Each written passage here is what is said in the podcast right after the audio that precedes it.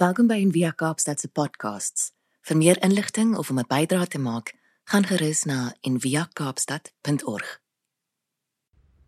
Goeiemôre almal. Ehm um, baie baie welkom by ons oggend check-in.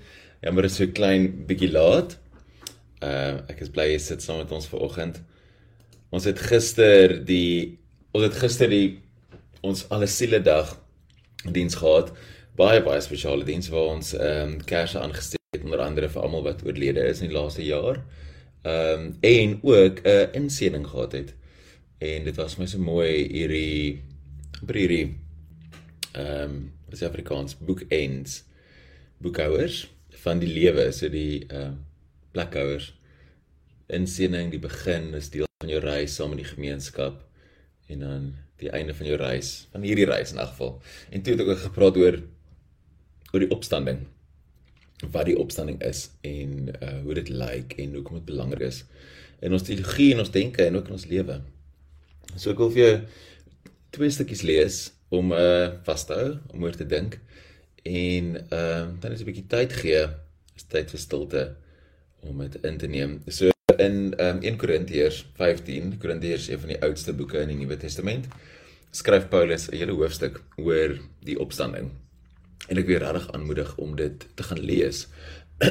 Dis baie ehm um, dig geskryf, dens en dit is ehm um, 'n partyke bietjie moeilik om om te om te penetreer, maar die message vertaling doen 'n baie goeie werk daarvan. Ook die boodskap vertaling om dit te uh, te parafraseer, te paraphrase en om op te som en te ehm um, te verduidelik. So ek wil regtig aanmoedig om dit te gaan lees. Ek gaan net van so 'n stukkie lees want baie mense vra ewig goed wat mense vra altyd, maar wat is dit? Weet hoe lyk dit? En Paulus antwoord dit actually. So kom ons lees net daai stukkie daai stukkie saam. Dis 1 Korintiërs 15 vers 35 tot 38. It says some skeptic is sure to ask, "Show me how resurrection works. Give me a diagram, draw me a picture. What does this resurrection body look like?" If you look at this question closely, you realize how absurd it is. There's no diagram for this kind of thing. We do have a parallel experience in gardening. You plant a dead seed, and soon there is a flourishing plant.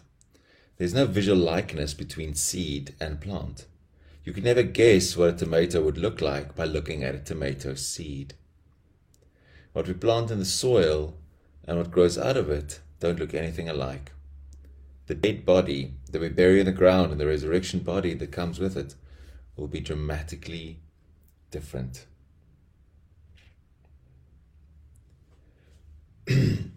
en dis wat my 'n deel wat my so opgewonde maak oor die opstanding is hierdie idee dat wat ons saai, ons fisiese liggame ook en ons dade in hierdie wêreld en hierdie tyd is die boustene in die begin van die wêreld wat kom of die ehm um, die tyd wat kom. So Dis vir my baie baie baie opwindend en nice om vir die tweede deel lees om ook vas te hou saam met die eerste deel. So die tweede deel is 'n stukkie wat Pieter Rollins geskryf het in een van sy ehm um, is eintlik in een van sy toesprake wat hy praat oor wat maak die opstanding saak vir ons vandag. So hy skryf without equivocation or hesitation I fully and completely admit that I deny the resurrection of Christ. This is something that anyone who knows me could tell you, and I'm not afraid to say it publicly, no matter what some people may think. I deny the resurrection of Christ every time I do not serve at the feet of the oppressed. Each day that I turn my back on the poor, I, I deny the resurrection of Christ when I close my ears to the cries of the downtrodden and lend my support to an unjust and corrupt system. However, there are moments when I affirm that resurrection, few and far between as they are. I affirm it when I stand up for those who are forced to live life on their knees, when I speak for those who have their tongues torn out, when I cry for those who have no more tears left to shed. So kom ons sit net so oomlik met daai beide daai gedagtes. Die idee van 'n kontinuïteit tussen hierdie wêreld en daardie wêreld en die idee dat dit saak maak wat ons doen. Nou dat mense wat in die opstanding glo nie anders kan doen as om daardie realiteit hiernatoe nou in die hede te bring en te vestig nie.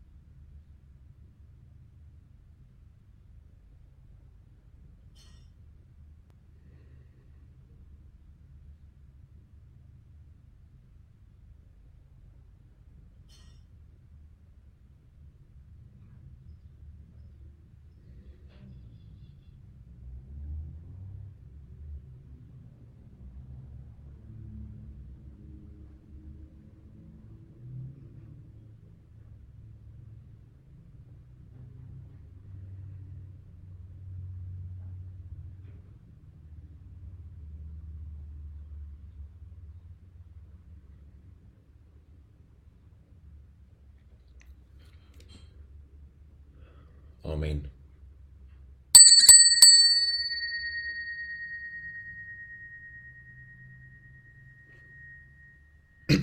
Ek lees ons weer die stukkie van Rollins. Without equivocation or hesitation, I fully and completely admit that I deny the resurrection of Christ. This is something that anyone who knows me could tell you, and I'm not afraid to say it publicly, no matter what some people may think. I deny the resurrection of Christ every time I do not serve at the feet of the oppressed, each day that I turn my back on the poor. I deny the resurrection of Christ when I close my eyes to the cries of the downtrodden and lend my support to an unjust and corrupt system. However, there are moments when I affirm that resurrection, few and far between as they are. I affirm it when I stand up for those who are forced to live on their knees, when I speak for those who have had their tongues torn out, when I cry for those who have no more tears left to shed. Mag jy hierdie week die opstanding leef. Vrede.